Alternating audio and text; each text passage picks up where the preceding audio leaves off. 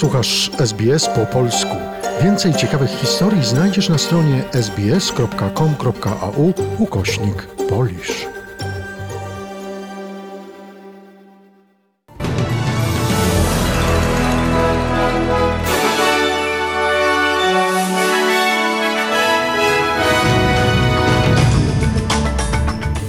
Przed mikrofonem Anna Sadurska to najważniejsze wiadomości dnia w środę 6 stycznia.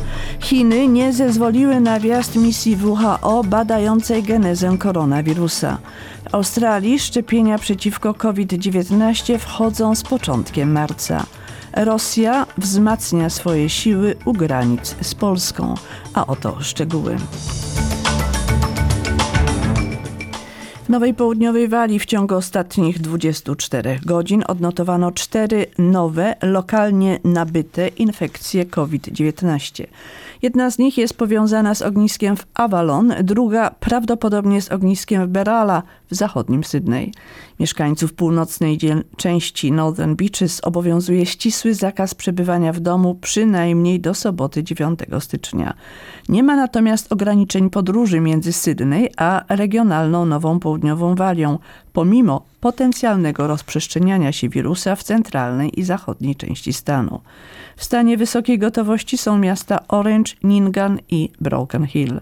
Ostrzeżenia zdrowotne wprowadzono w Oranges Birdie Noshery i Ningans Riverside Tourist Park, a także w niektórych obiektach w zachodnim Sydney. Alarm spowodował osiemnastolatek, który będąc powiązany z ogniskiem koronawirusa w dzielnicy Berala w Sydney, odwiedził kilka miejsc w Nowej Południowej Walii, w tym Broken Hill i Orange. Pełniący obowiązki premiera John Barilaro powiedział w telewizji Nine Network, że na tym etapie nie planuje się dalszych ograniczeń.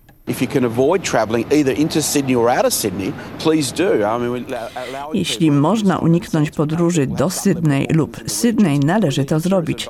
Pozwalamy jednak ludziom kierować się własnym zdrowym rozsądkiem. Potrzebujemy turystyki, ale musimy znaleźć równowagę. Wiemy, że w tym okresie ludzie porobili dużo rezerwacji urlopowych. Na tym etapie ograniczenia pozostają takie, jakie były, powiedział pełniący obowiązki premiera Nowej Południowej Walii John Barry Laro. Wiktoria odnotowała pierwszy od miesięcy przypadek COVID-19. Pracownicy służby zdrowia nie są pewni, w jaki sposób mężczyzna po trzydziestce zaraził się wirusem. Jako potencjalne miejsce zarażenia wymieniono stadion Melbourne Cricket Ground, gdzie zarażony mężczyzna oglądał mecz, oraz centrum handlowe Chetstone, gdzie w drugi dzień świąt odwiedził wyprzedaże. Zastępca głównego lekarza stanu Victoria Alan Cheng zachęca do poddania się testom tych, którzy byli w południowej części stadionu MCG 27 grudnia między godziną 12.30 a 15.30 oraz w centrum handlowym 26 grudnia między godziną 6 rano a 14. This person was not infectious at um, the Boxing Day sales or uh, the MCG. We're worried more about who might have given Ta osoba nie była zaraźliwa podczas wyprzedaży w drugi dzień Świąt Bożego Narodzenia, ani podczas wizyty na stadionie MCG 27 grudnia. Bardziej martwimy się, od kogo mógł zarazić się w tym czasie. Dlatego osoby, które były w obydwu miejscach są proszone o wykonanie testów. Polskie Ministerstwo Zdrowia poinformowało o 7624 nowych zakażeniach koronawirusem. Zmarło 341 osób. W ciągu minionej doby wykonano ponad 48 tysięcy testów na obecność koronawirusa. Dla informacyjnej agencji radiowej Joanna Stankiewicz. A w kolejnych dniach również możemy spodziewać się wzrostu zakażeń, mówił rzecznik Głównego Inspektoratu Sanitarnego Jan Bondar. Tak naprawdę zawsze środa, czwartek to są te dni, kiedy widzimy prawdziwą sytuację. Tutaj warto też powiedzieć, że rośnie liczba wykonywanych testów. Dzisiejszy raport mówi o prawie 50 tysiącach. Rzecznik GIS dodał, że nadal liczba hospitalizacji z powodu COVID-19 utrzymuje się na wysokim poziomie. Zajętych jest ponad 17 tysięcy łóżek. Jest też cały czas bardzo wysoka liczba zajętych respiratorów. To jest ponad 1600. Od początku epidemii koronawirusa zakaziło się ponad milion 330 tysięcy Polaków. Koalicja Obywatelska domaga się przyspieszenia szczepień na koronawirusa. Jak powiedzieli na wspólnym briefingu przewodniczący Platformy Obywatelskiej Borys Budka i marszałek Senatu Tomasz Grocki, potrzebne jest do tego przyjęcie kompleksowego planu szczepień ze szczególnym uwzględnieniem osób najbardziej narażonych, a także decentralizacja systemu szczepień. Marszałek Tomasz Grocki z zawodu lekarz powiedział, że w akcję szczepień trzeba zaangażować lekarzy rodzinnych. Wyobraźmy sobie 6 tysięcy punktów szczepień razy cztery fiolki szczepionki. To można w jednej kopercie dostarczyć. Ta szczepionka po rozmrożeniu jest stabilna w temperaturze 2 do 8 stopni przez 5 dni. Lekarze rodzinni z tych czterech fiolek mogą przygotować 24 dawki szczepionki. Zdaniem marszałka Grodzkiego przy takim systemie szczepień można by szczepić dziennie 144 tysiące osób, a tygodniowo prawie milion. Pełnomocnik rządu do spraw Narodowego Programu Szczepień Michał Dworczyk poinformował, że do wczoraj zaszczepiono w Polsce 114 tysięcy osób. Pan Michał Dworczyk tłumaczy, że zmiana planu szczepień przeciwko COVID-19 wynika ze zmienionego przez producenta harmonogramu dostaw szczepionek. Producenci zmienili harmonogramy dostaw, a w konsekwencji do końca marca możemy się spodziewać szczepionek dla 2,9 miliona osób, a jeśli chodzi o grupę pierwszą, tę najbardziej wrażliwą, gdzie są nasi seniorzy, będzie to 2,2 miliona szczepionek dla grupy, która liczy 10 milionów osób. I w tym kontekście musimy w sposób elastyczny zmienić plan i zaplanować niejako na nowo przy tej zmianie deklaracji producentów dostarczenie tych szczepionek. Od 15 stycznia rozpoczną się zapisy dla wszystkich Polaków w ramach Narodowego Programu Szczepień. Anglia i Szkocja wprowadziły nowy lockdown. To odpowiedź na rosnącą liczbę przypadków wirusa. Nowe ograniczenia szykowane są także w innych krajach na świecie, gdzie przechodzi właśnie druga lub nawet trzecia fala zakażeń. Na całym świecie na COVID-19 zmarło dotąd 1 854 tysiące osób, a łączna liczba zakażeń to 85 milionów. Takie dane podają naukowcy z amerykańskiego Uniwersytetu Johna Hopkinsa, którzy zajmują się monitorowaniem pandemii.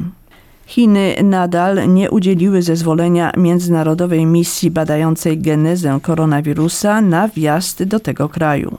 Szef Światowej Organizacji Zdrowia WHO Tedros Gebreus powiedział we wtorek, że jest tym bardzo rozczarowany.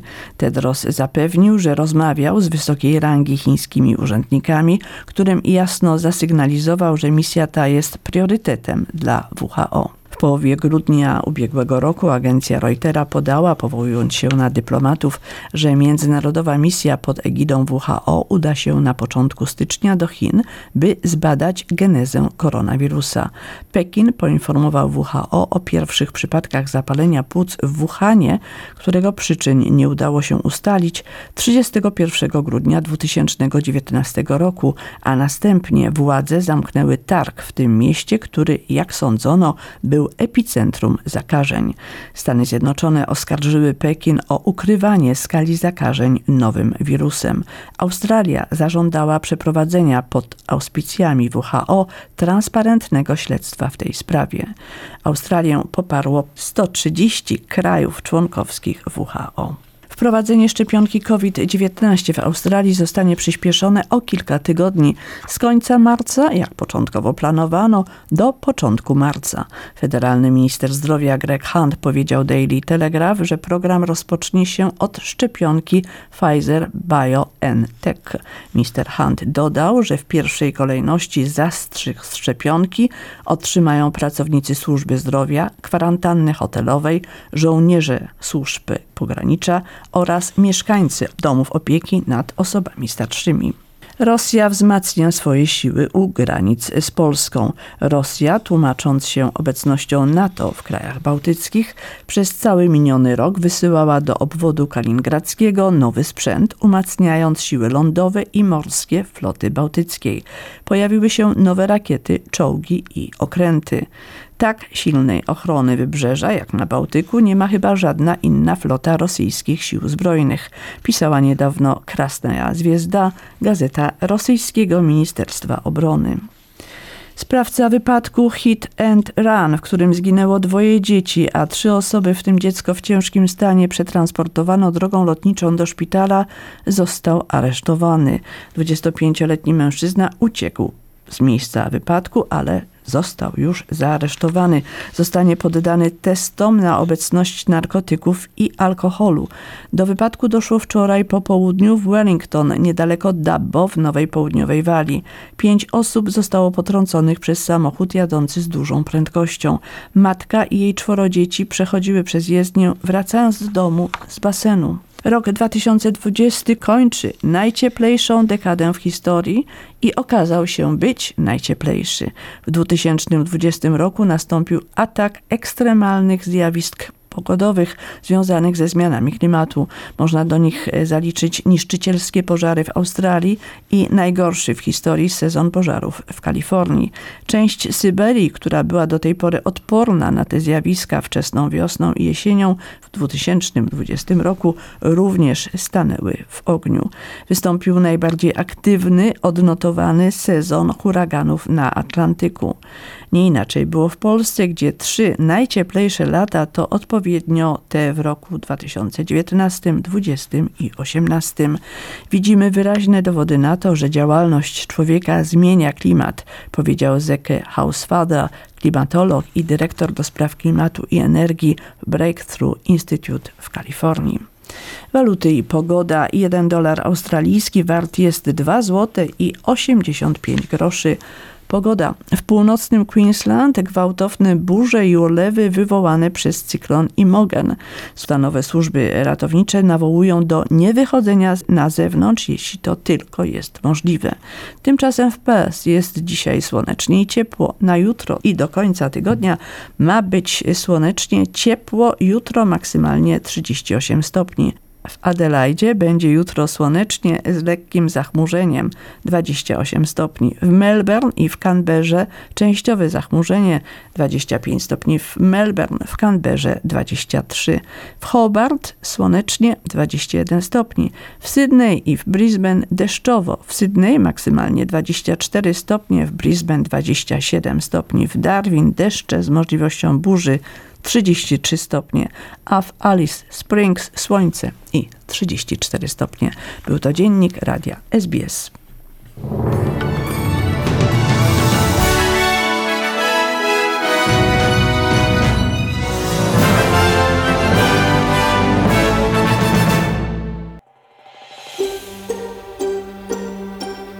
Zainteresowało Cię?